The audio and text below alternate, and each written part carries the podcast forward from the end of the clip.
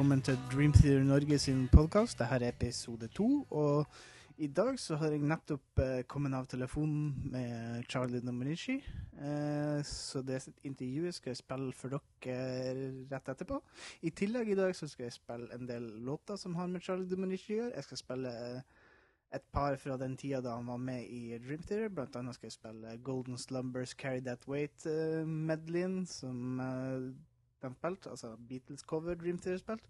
I tillegg skal jeg spille eh, de to eh, relativt sjeldne radiopromoene fra When Dream and Day Unite, som har en ganske annen l- miks enn det som var mm, på den utgitte CD-en. Og så skal jeg spille en To Live Forever fra When Dream and Day Reuni- Reunite, som var eh, det showet Dream Theater eh, satte opp eh, i, forhold, i forbindelse med 15-årsjubileet til eh, When Dream and Day Unite, i hvor da Charlie Dominici var gjest. I tillegg så skal jeg spille eh, et par låter fra Dominici sin sin solotrilogi eh, O3 eller Ozon, alt etter hva du vil kalle det. Først skal jeg da spille Golden Slumbers Carry That Weight-låta, og så setter jeg i gang med intervjuet. Og så blir det miks litt av låtene inni, innimellom. Så vær så god. Once there was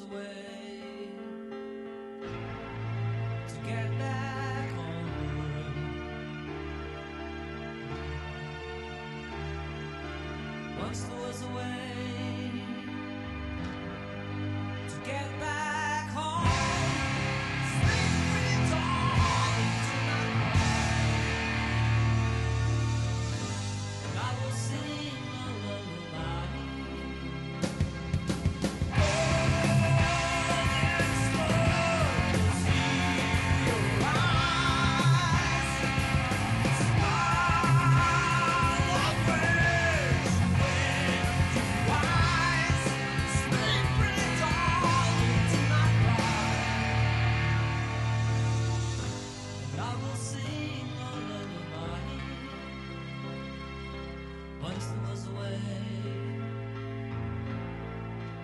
get back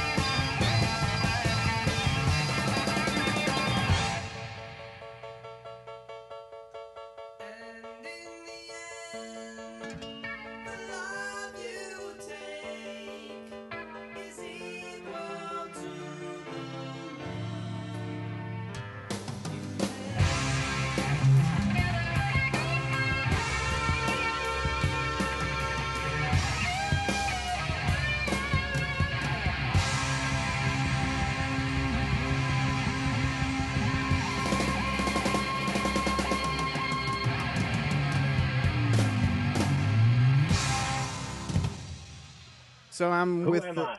yeah. Who so I'm I? with uh, Charlie Dominici right now, and uh, he's in San Diego, California, just sitting and enjoying his Christmas vacation. I don't know if you have any Christmas vacation now, or if you're full at work. I am actually watching, like any good red-blooded American boy, I'm sitting in my living room watching football, Right. watching the Cowboys get beat by the by the uh, Eagles after seeing the Giants get beat earlier today. That's I'm watching football right now. right. What are you doing? Um, just came home from Christmas vacation actually. So Well, welcome home. And hello, Norway. yeah. So um, let's see. It's been a while since we talked to you last. Actually, I think the last time we Dream Theater Norway actually spoke to you, it was in mm, 2004. Actually, Wow, that was a so you've been up ago. to quite a lot since then. Oh man, a lot has happened since then. Yeah, So a lot, has happened since then. yeah, you did the uh, Dream Theater show with. Um, Well, did I when I talked to you? Was it before the Dream Theater? it was before actually. Did I know about it already? Or I don't did think know- so. I, uh, we didn't know about it at least. Maybe. I didn't say anything about it. I probably didn't know. Well, Mike kind of told me about it at the last minute. That's why I, I ended up going on stage looking like uh, 40 pounds too heavy and uh, not ready to sing. Mike just called me up uh, like a week or a week and a half before, you know, and I was like, okay. Wasn't ready for that at all. Yeah, but it kind of turned you around, well. Well, you know, it wasn't really. You know, a lot of people think that I went on the stage and sang, and then all of a sudden I decided that, you know, because of that, I wanted to get back into music.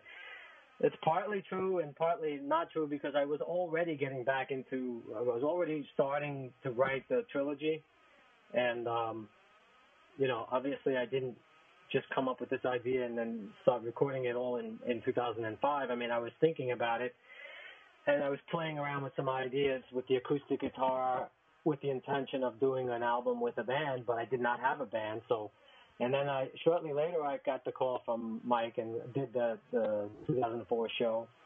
But you know, when I when I did that show, uh, it did make me feel like, uh, hey, you know, I, I missed this. You know, I missed doing this. But I was also already missing it, and was also already missing creating and writing. So it was both at the same time. Yeah, because you haven't actually done anything in music for quite some time after. Well, I did. I did music. I did some things here and there. I, I recorded a song with my brother.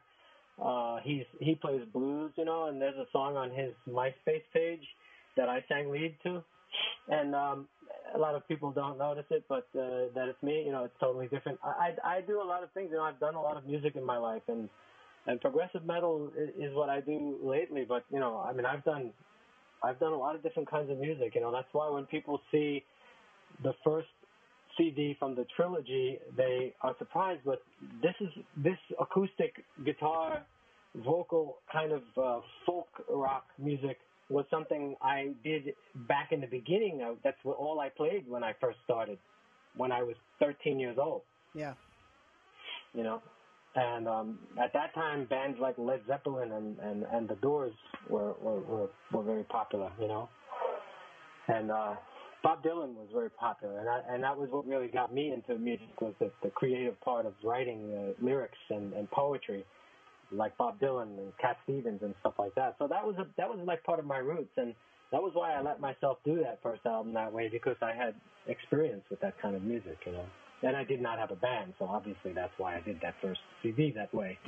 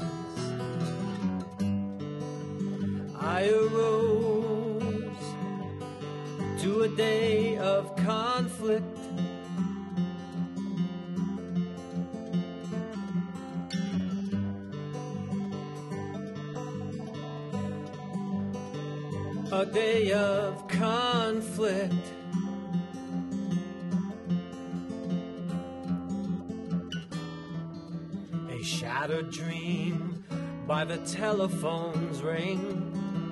The words shake the cobwebs loose from my head. An exchange of words turned from green to red and sparked a day of conflict.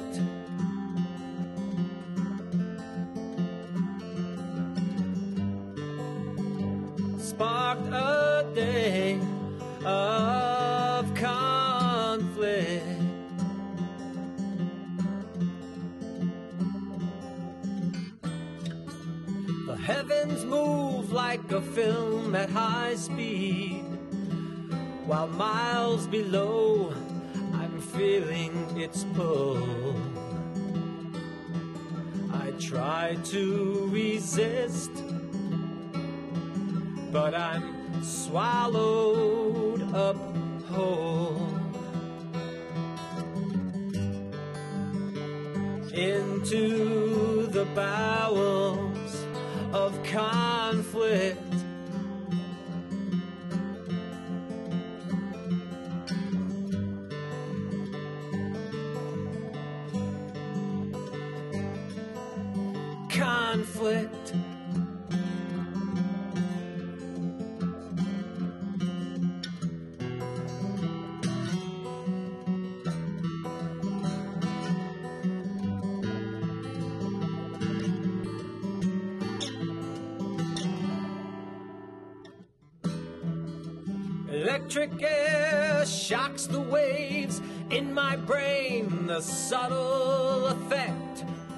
The wind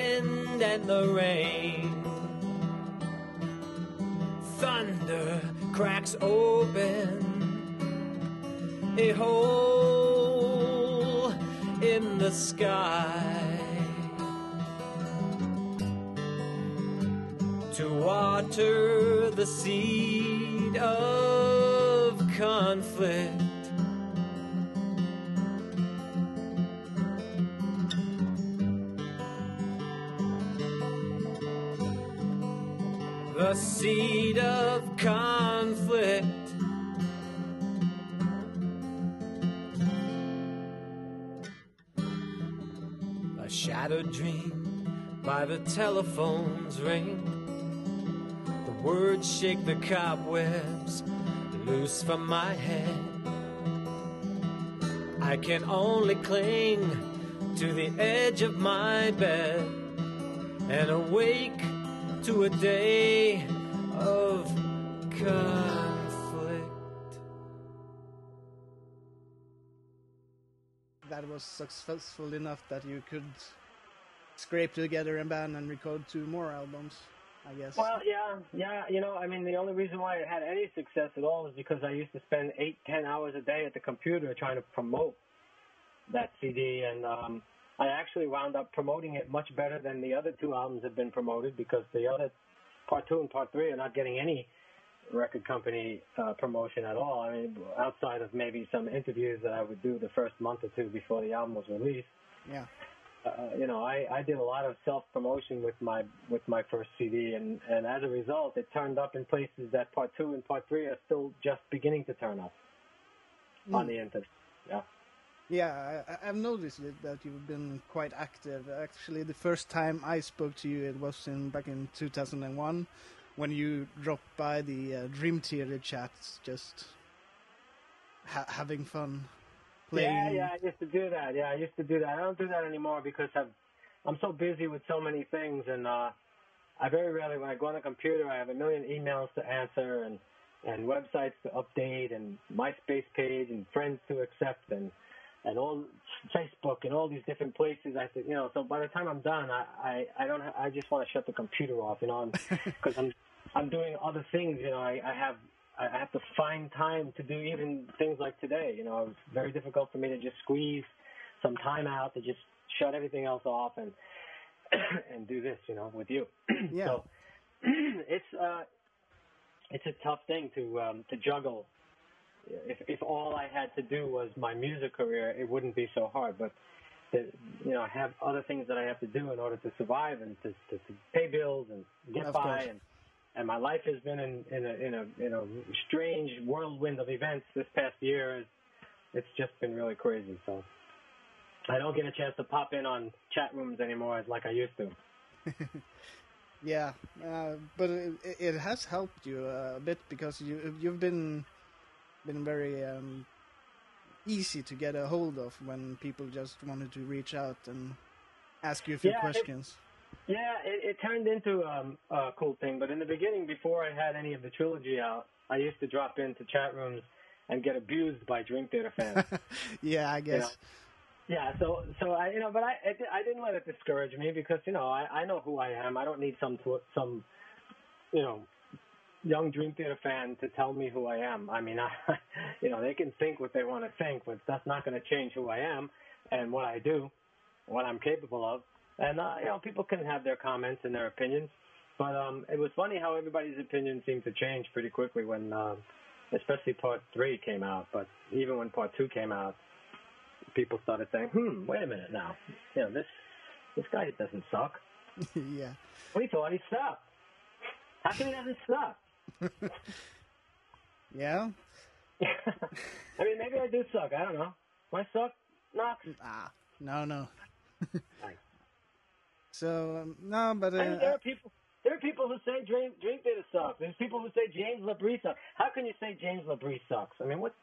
How can somebody say that? You know, the guy's like a great vocalist. yeah, but some And some people just some people just don't like the sound of his voice, and Yeah, I like to hear them sing a tune. but of course it, it's of, always the metal fans that hate the uh, sort of rock Yeah, tenor. Yeah, people who want us to sound like the yeah, Right. Let them start again. Yeah. so, but uh, what I found funny when you dropped by then was that you seemed to actually be a Dream Theater fan yourself back then. You actually Oh. knew. Ah, Dream Theater. Oh my God. oh, oh, Mike Portnoy. Oh my God. No, but you you, you actually uh, kept up with their work and listened to it. Uh, Uh, you know, it's funny because uh, the people who are completely strangers, uh, maybe just know Dream Theater from shows, and from maybe guys like you who talk to them for radio shows.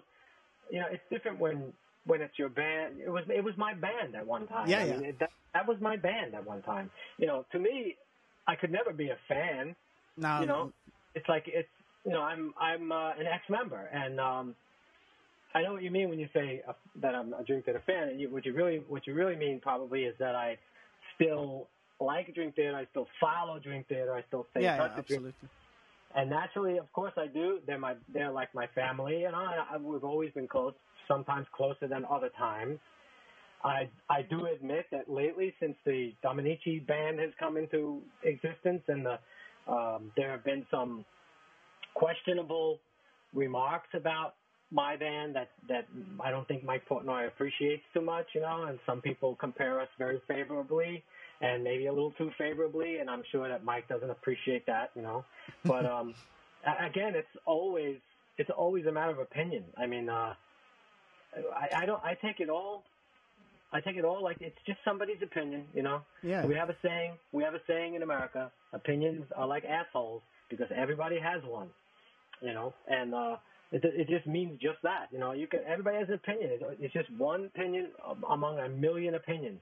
And um, but the but the reality is, as far as what is not just my opinion, is, what the reality is is that Dream Theater as as a band, as five guys, especially the four that I that I spent well the three that I spent my time with with Dream Theater, and and Jordan came into the fold and James came into the fold as I was coming to see the band and, and meet, I got to meet them and realized they were great guys, great musicians, great vocalists, James, and great people and, and great guys. You know, really friends with me, friendly with me, and um, they're cool, cool band, they're cool guys. They um, they make great music, and I and I've always stayed close with them uh, uh, through the years. You know, and uh, yeah, so that's uh, that's it. That's all about.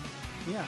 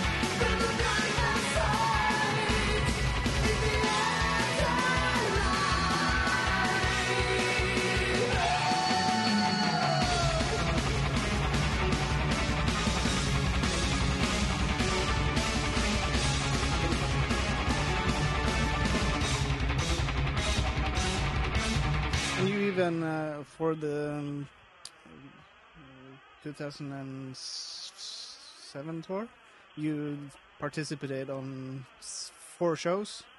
Yes, Opening for them. Right. Yeah, that, that was pretty cool.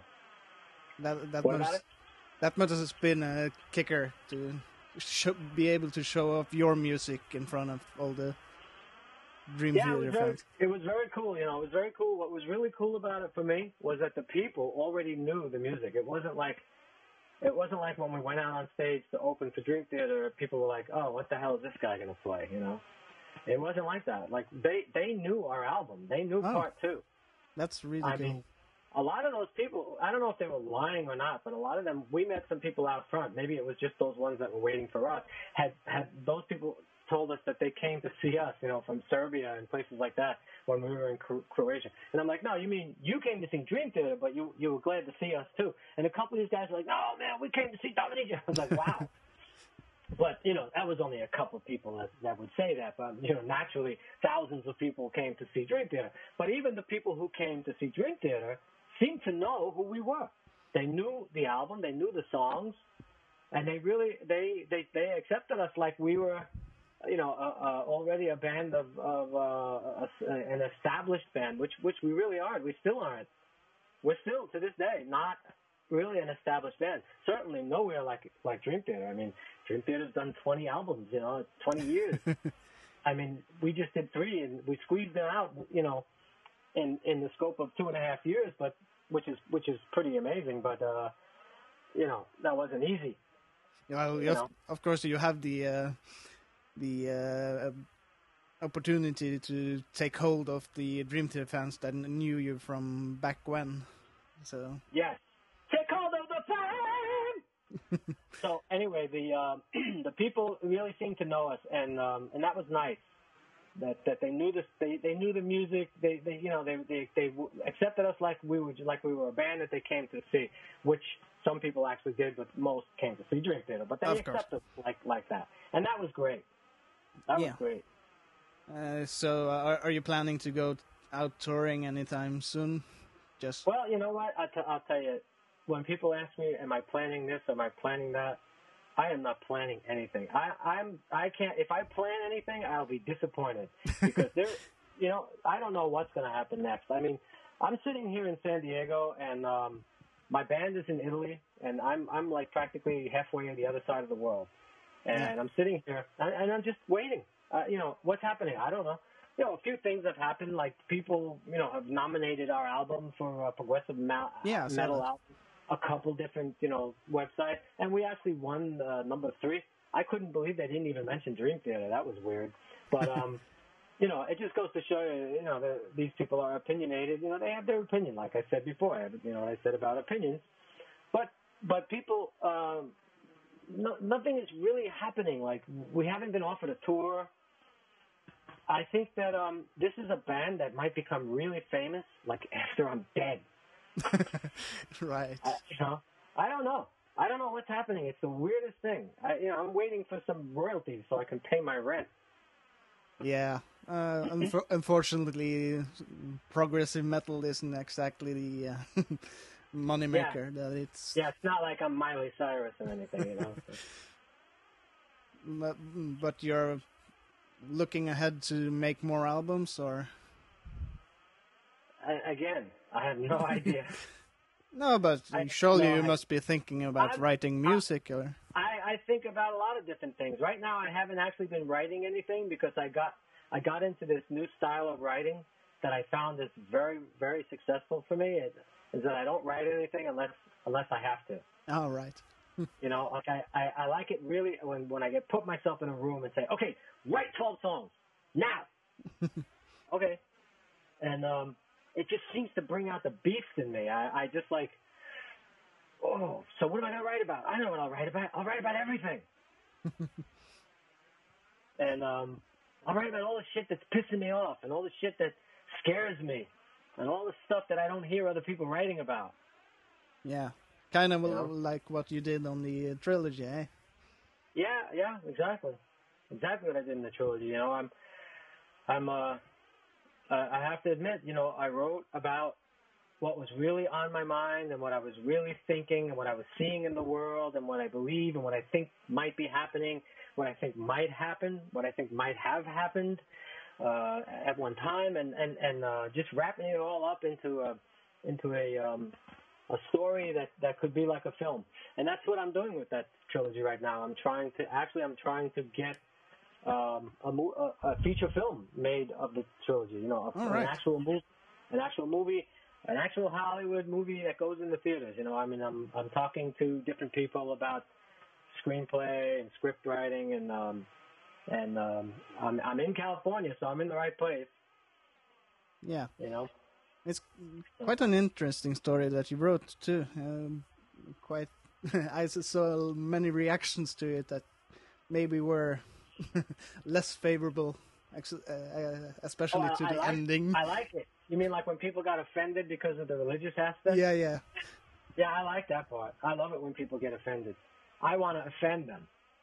I want to offend them. You know why I want to offend them?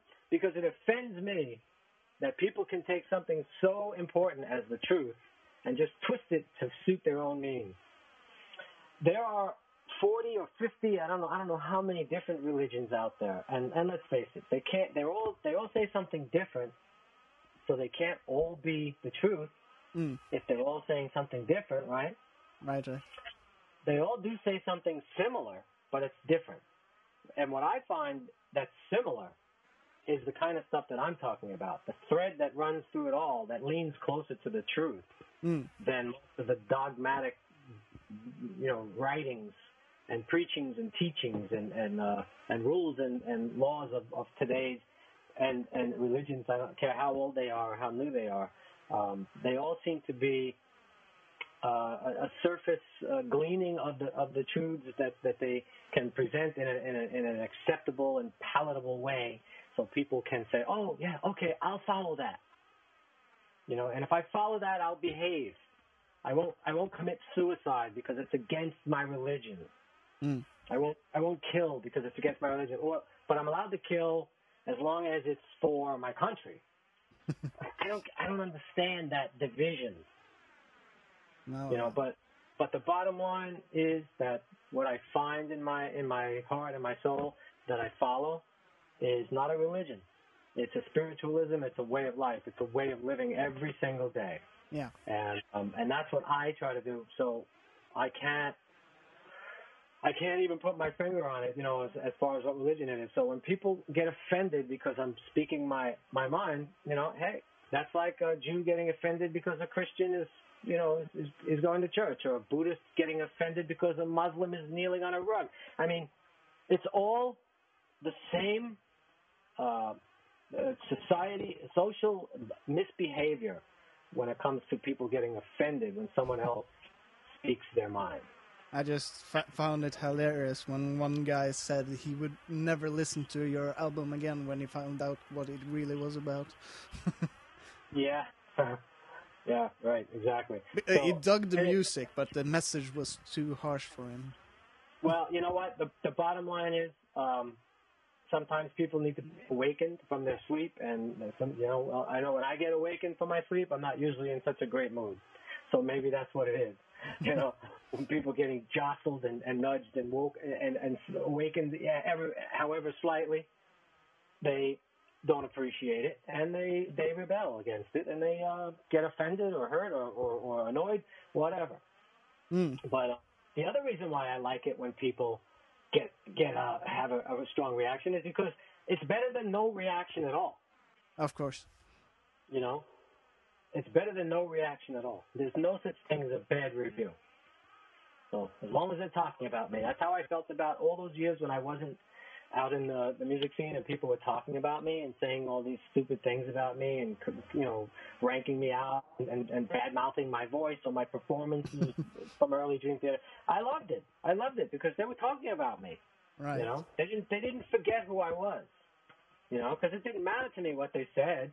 Because even if they said I was, some people say I get it all the time. Some people say, "Oh, you're the greatest singer in the world," and I laugh. I'm not the greatest singer in the world. I'm way far from it. And then some people say that I suck, and I laugh at that too because I know I don't suck. I'm somewhere in between I'm somewhere in between someone who sucks who's the greatest singer in the world. I'm somewhere in the somewhere in between there, Yeah, like all like all of us are. of course. And and know, and everybody has the right to their opinion, but I just look, I just really always liked it that they were at least remembered me. and now I guess they have something more to remember me for.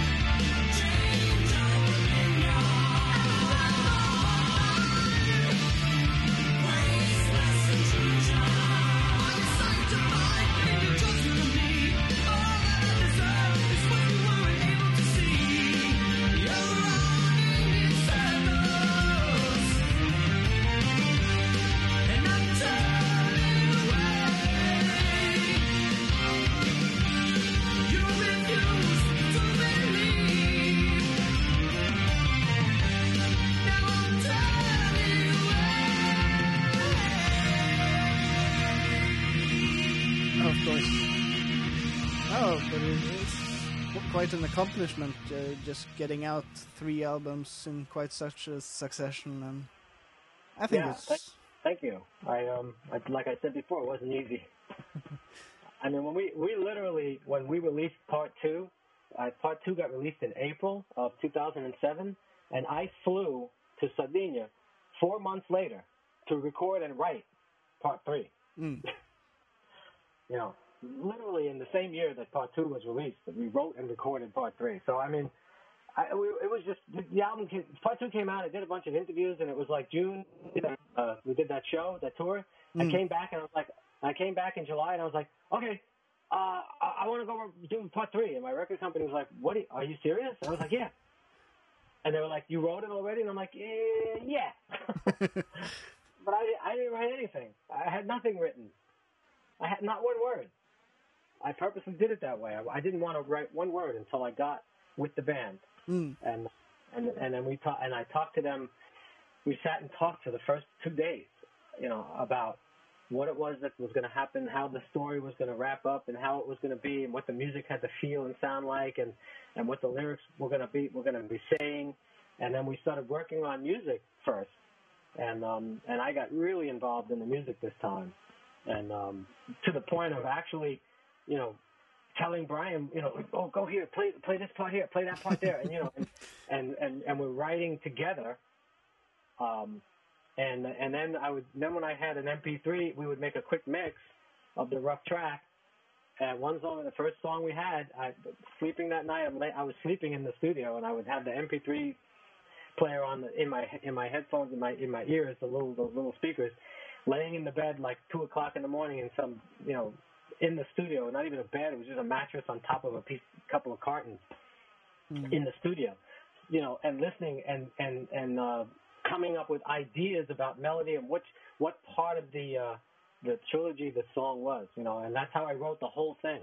Mm. That's, yep, wrote all the lyrics, all the songs at the same time, because I just wrote little parts of each one Mm. on the lyric page. There's like these little little captions on the top of each, lyric, each song on the lyric page on the CD. Yeah. Those, those are the, that was the first things that I wrote as we were working on the song before I wrote the lyrics. Then I finished all the lyrics later, all at the same time, a little bit on each one, you know, over the period of two or three days, and and then we did the vocals, and that was it. Cool.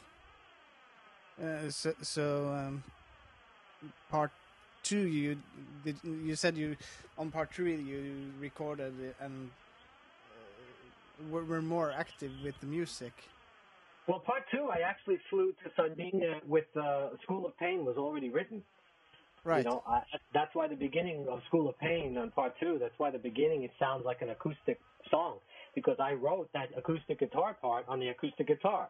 You know, that whole line that goes behind uh, "Is this what they call freedom, justice, and liberty?" That was that whole acoustic guitar part I, I already had written. I just showed Brian that part note for note, Mm. and then we completely uh, expanded upon it as you know as we got to as I got there with them, and we you know because obviously I don't write Brian's guitar parts. You know, there are just some things that I I show him and something, and then he adds and he embellishes on it and he expands it with his musical abilities, which are quite much quite a bit better than mine as a guitar player.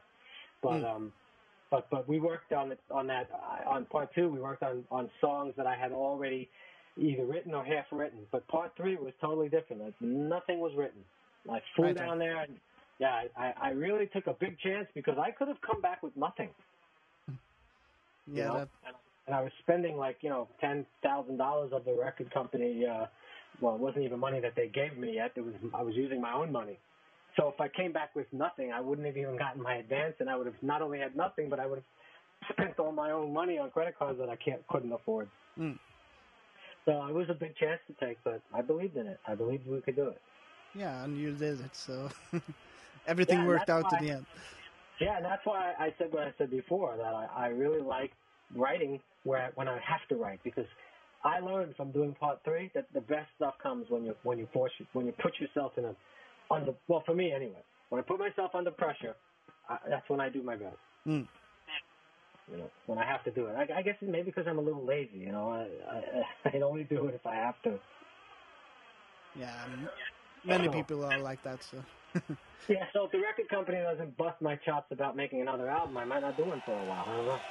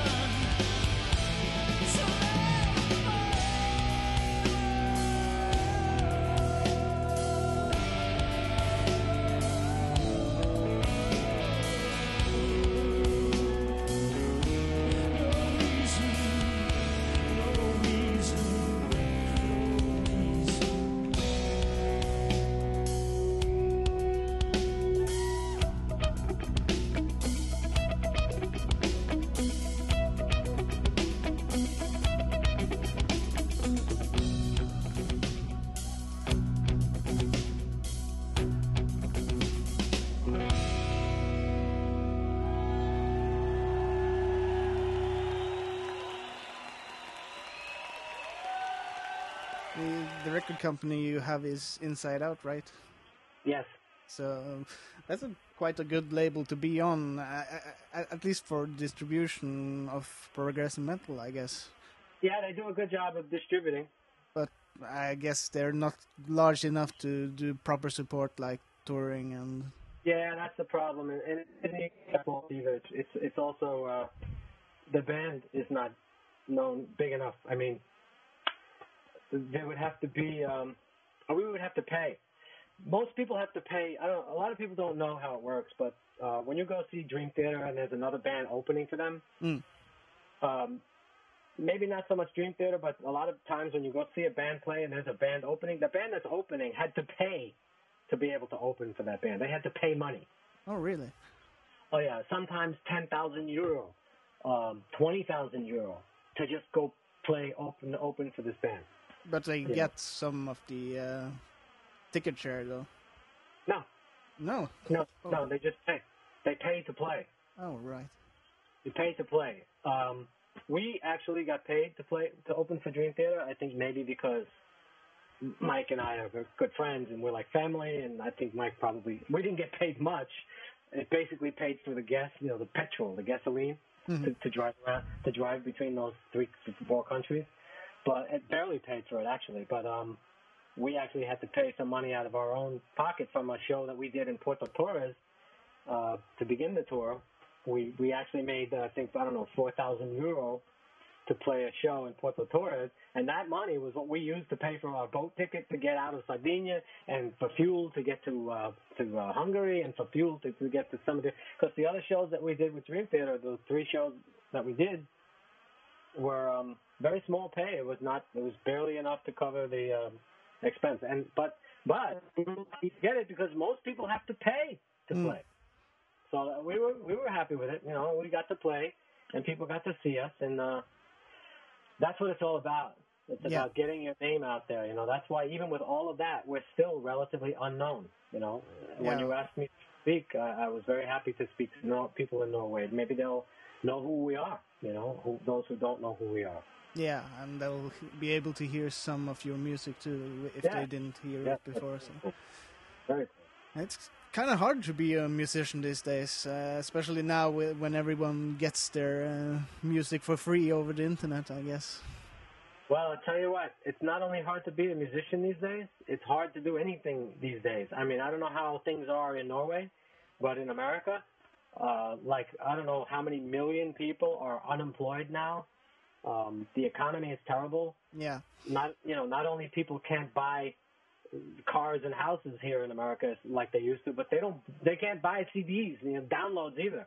And, um, they can't buy, some people can't buy food and clothing. I mean, it's a, it's, it's becoming something is going to happen in this world. I, I know that what I was talking about with um, my my trilogy coming to uh, something coming to an end uh, or something coming to a, a peak, you know, a boiling point mm. is during this. It is during this time. It is during these years. It's going to be 2009 in, in a week, and 2012 is only three years later. yeah, And um, that's really what this all is coming down to. Uh, you know, that 2012 that I, I, I am bringing my, my whole trilogy is part three is actually happening in 2012. yeah, But um, you know, as a as a not saying that what happens in part three is what's going to happen in 2012. I'm just saying that you know that's how my story was was based around this time because this these are tumultuous times. yeah. And and and, and you, we're not just going along like business as usual, like we have been for the past ten years or so, It's twenty years so. quite an interesting time too because um, 2012 is uh, been up uh, quite a bit um, with the Mayan calendar ending, and people are making all sorts of conspiracy the- theories of what is going to There's, happen. ac- yeah, there's actually a movie being planned. Uh, Yeah. But, yeah, that's called 2012. And I was on this thing three years ago. So, you know, these, these people are kind of like, you know, catching up to where I was because I was looking at this whole thing three years ago. And a lot of it was, was coming up in my, in my research when I was researching for my story, you know, to make my story be as realistic as possible. Mm. Uh, did, did a lot of internet research about different religions and um, different philosophers and philosophy and and stories and and, uh, and and and 2012 was coming up a lot, you know, with Yeah. the Mayan calendar, the Mayan calendar, and all that stuff. So um, I try, I really tried to tie it all together, you know, so that it would make sense, where people could say, "Well, I don't believe it's true, but it sure could be." Yeah, it makes sense to put something that is going to be, uh, if Something not true, at, at least it's going to be in people's mind because of the conspiracy theories and the movie and Mm-hmm. hmm So- and if it does, and if it does happen, and my story does come true, people are going to say, "Oh, oh, wow, Dominici knew. He knew. he knew back in 2004." and if it doesn't happen, you can just go and say it was just a story. Exactly. So you have it covered on both bases. I got it covered. yeah, that's cool. Yeah, Either way, either way, there'll still be people who will say that I'm I'm an asshole, and other people who say I'm a god. I don't know, and it's all just their opinion. Of course.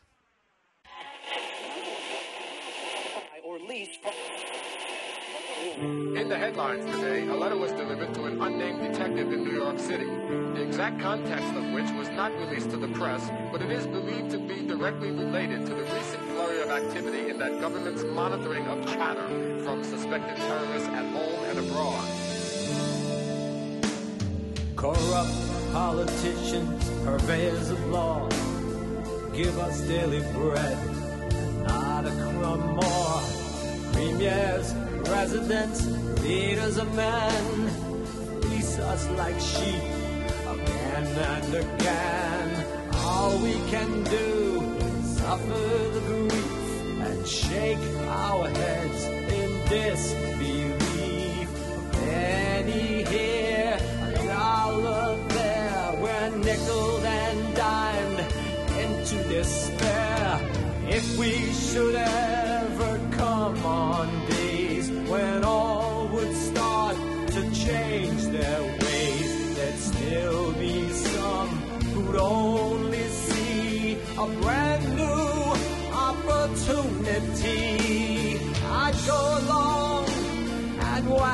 tail, but still they'd throw me in their jail. I watch the news and wonder why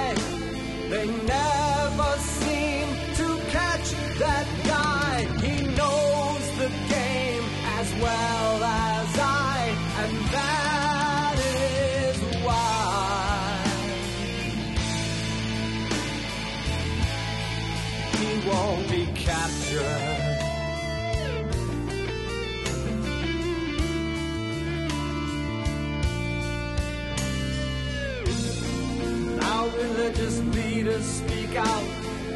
Offensive words cast shadows of doubt. Those who listen but still haven't heard live by the sword, but they'll die by the word. I sit in my room of closed windows and doors and ponder my fate as I stare at the floors. If I never let anyone get close to me, then maybe can still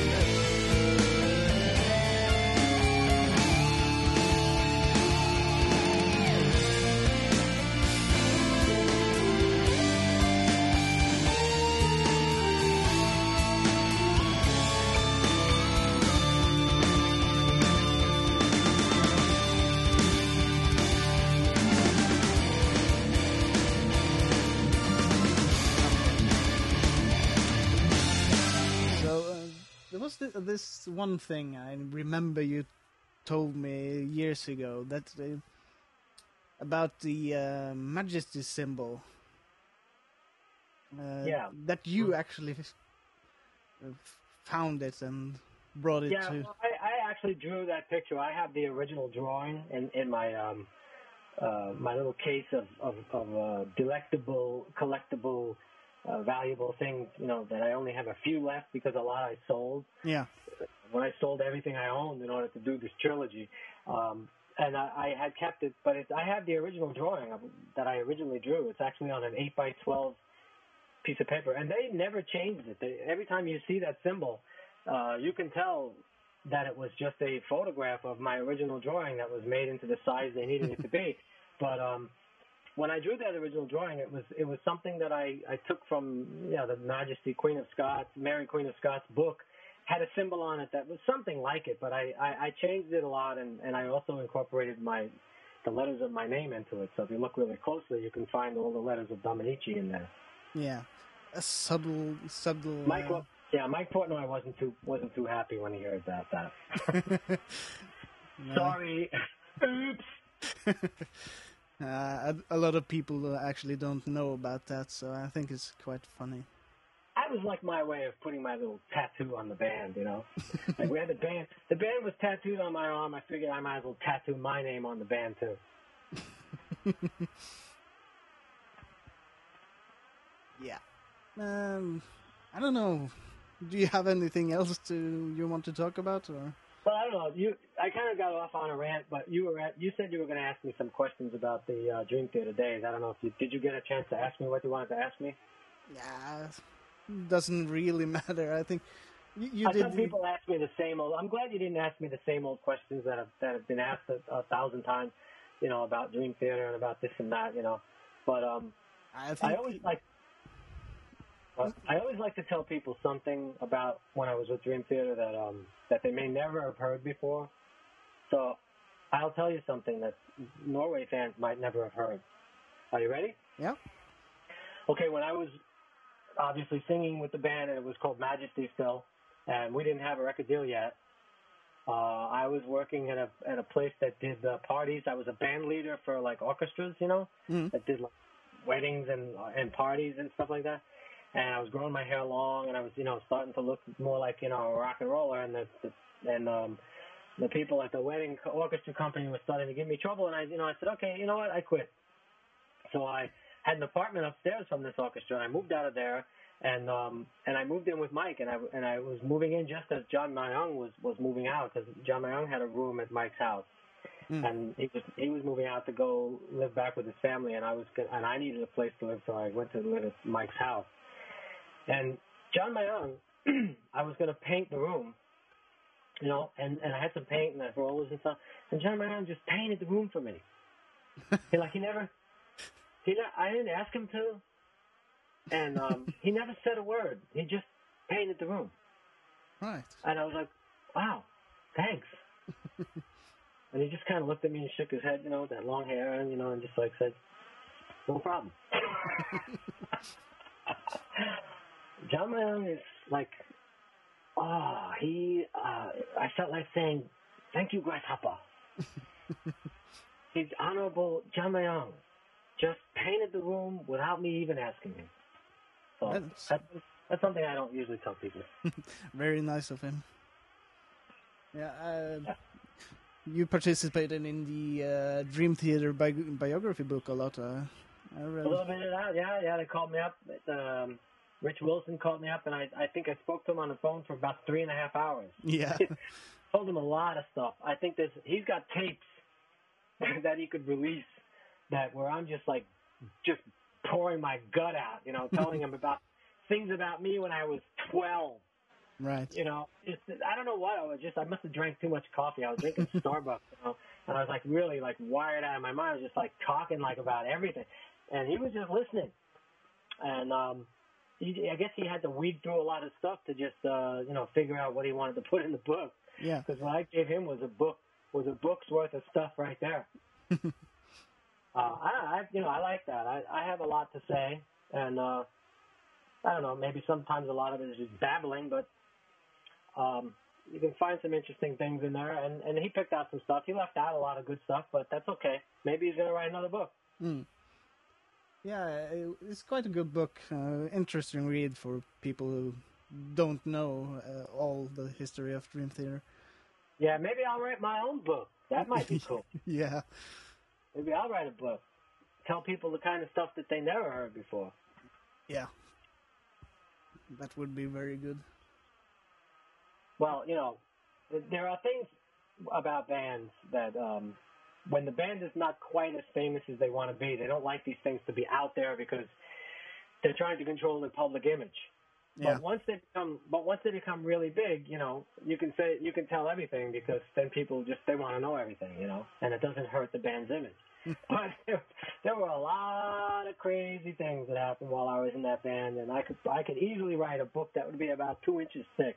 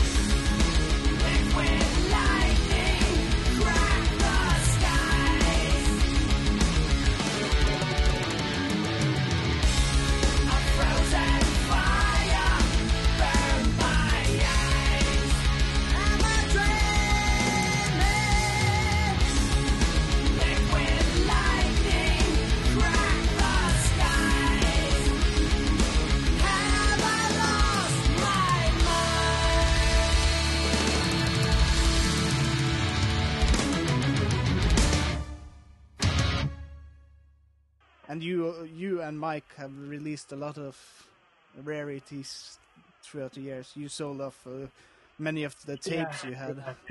Yeah, those yeah those tapes. I think somebody. um I didn't even realize there was stuff on those tapes. There was there was stuff on there from like me playing with like drum machines and making up these silly songs. You know, I mean, like I don't I don't really care, but you know, it's not like stuff that I would release. But I mean, I didn't care that I knew there was things on there like that, and I, and some some people actually like you know play them for me, you know, and say. I, I went on like a um, an interview with uh, another website, and they were playing the songs. It was like actually a, a radio show, and they were playing, you know, Dominici songs, and then every once in a while they would throw in something that they found on those tapes of me doing like this, like soul music or um, you know, blues, strange, crazy music, and, I was like, "Where did you find that?" And like, it was on those tapes that you. I was like, "Oh my god, I didn't even realize that was on there." yeah, uh, one because thing. I would always fool around. Yeah, I always fooled around with uh, different kinds of music. I mean, I, I I would always play around with different stuff. I, I like that. I, I I play jazz sometimes. You know, rock, metal, Mm. you know, blues, um, you know, folk. Yeah, one of the things I played in this podcast is uh, the Beatles covers that you and the rest of Mhm. Dream Theater did back then. Yep, yep. Beatle covers. Yep. Those those are pretty good. The Golden Slumbers one. Yeah. Yeah. Yeah, this um that was actually a pretty good version of uh, of Golden Slumbers. It's too bad we didn't have it recorded well. You know, good recording of it, but uh, we were recording that stuff on a four-track cassette player. Yeah. You know. And- And one of the things that we, um, uh, the fan club, enjoy uh, showing, we, we, every time Dream Theater comes to Norway, we throw a pre-show party where we Oh, yeah? have videos and music. And one of the things that we use to put on is um, the uh, basement uh, videos Mm-hmm. where you Yeah, jump out Yeah, the old, the old crazy ones. Yeah, Yeah, crazy ones. Yeah, the crazy ones with the with the uh, the, the Rastafarian guy. yeah. Those Yeah, are- man, fool. well, you you know you know that guy shows up in my the making of part three. Did you see that? yeah, He yeah. shows he shows up again in that one. Oh man, I can sing.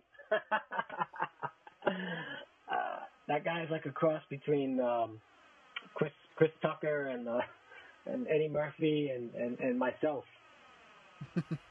and some Jamaican guy that I don't know who, uh, somebody, Peter Tosh or uh, or, uh, or Bob Marley. Yeah, it's uh, it's good entertainment to put on uh, for the uh, Yeah, young so Dream Theater fans that uh, don't When are, know when are they coming to Norway? When are they coming to Norway now? Again? Uh, I guess October or something. Cool. But, uh, Well, when they, this coming October, that's a long time, long time. but I will tell you one thing I noticed about Norway. You Hmm? have some re- you have some really good looking women. yeah, I we mean, always uh, hear that. Norwegian, these Norwegian girls that are like you know on coming to my MySpace page and you know becoming friends. Some of them are absolutely beautiful. Um, Henne, this girl Henne, she's just is that how you pronounce that name? H A N N E. Hanna. Henne. Hanna. Mm. Well, she she she plays guitar and she has a whiskey voice. Mm. but she's absolutely beautiful. I mean, um, there's a few girls that have come to my MySpace page and, and joined as friends that are just just uh, beautiful women. So you, you guys got some pre- pretty nice girls there. You're pretty lucky. Must be something about the cold. Yeah, I guess we have to stay warm inside, so it's good to have something good to look at.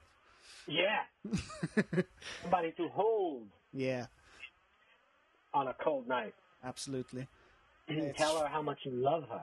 Uh, absolutely freezing outside Well, now. my hat, my hats off to you, and um, and hello to all you beautiful women and all you lucky Norwegian men. Absolutely. yeah. So, what have we what have we not covered? We uh, I think we got we covered just about everything for now. No, Yeah, you have I any, you have any last good. questions? Mm, nah, I think we're good. We've spoken for almost an hour now. That's That's true. just about. I I never run out of things to say, but I don't know. I if- guess. if, if the things that I say are going to be proper. I don't think I'm going to censor you much. Uh, You're lucky I haven't been drinking. It's early in the day for me. I I wouldn't have censored you even if if you had been drinking. Maybe for your own good, but uh, If I was, if I, if I was drinking anything, so tell me about Jim. I drink. Dream, who's drink beer? Dream who? Mike who?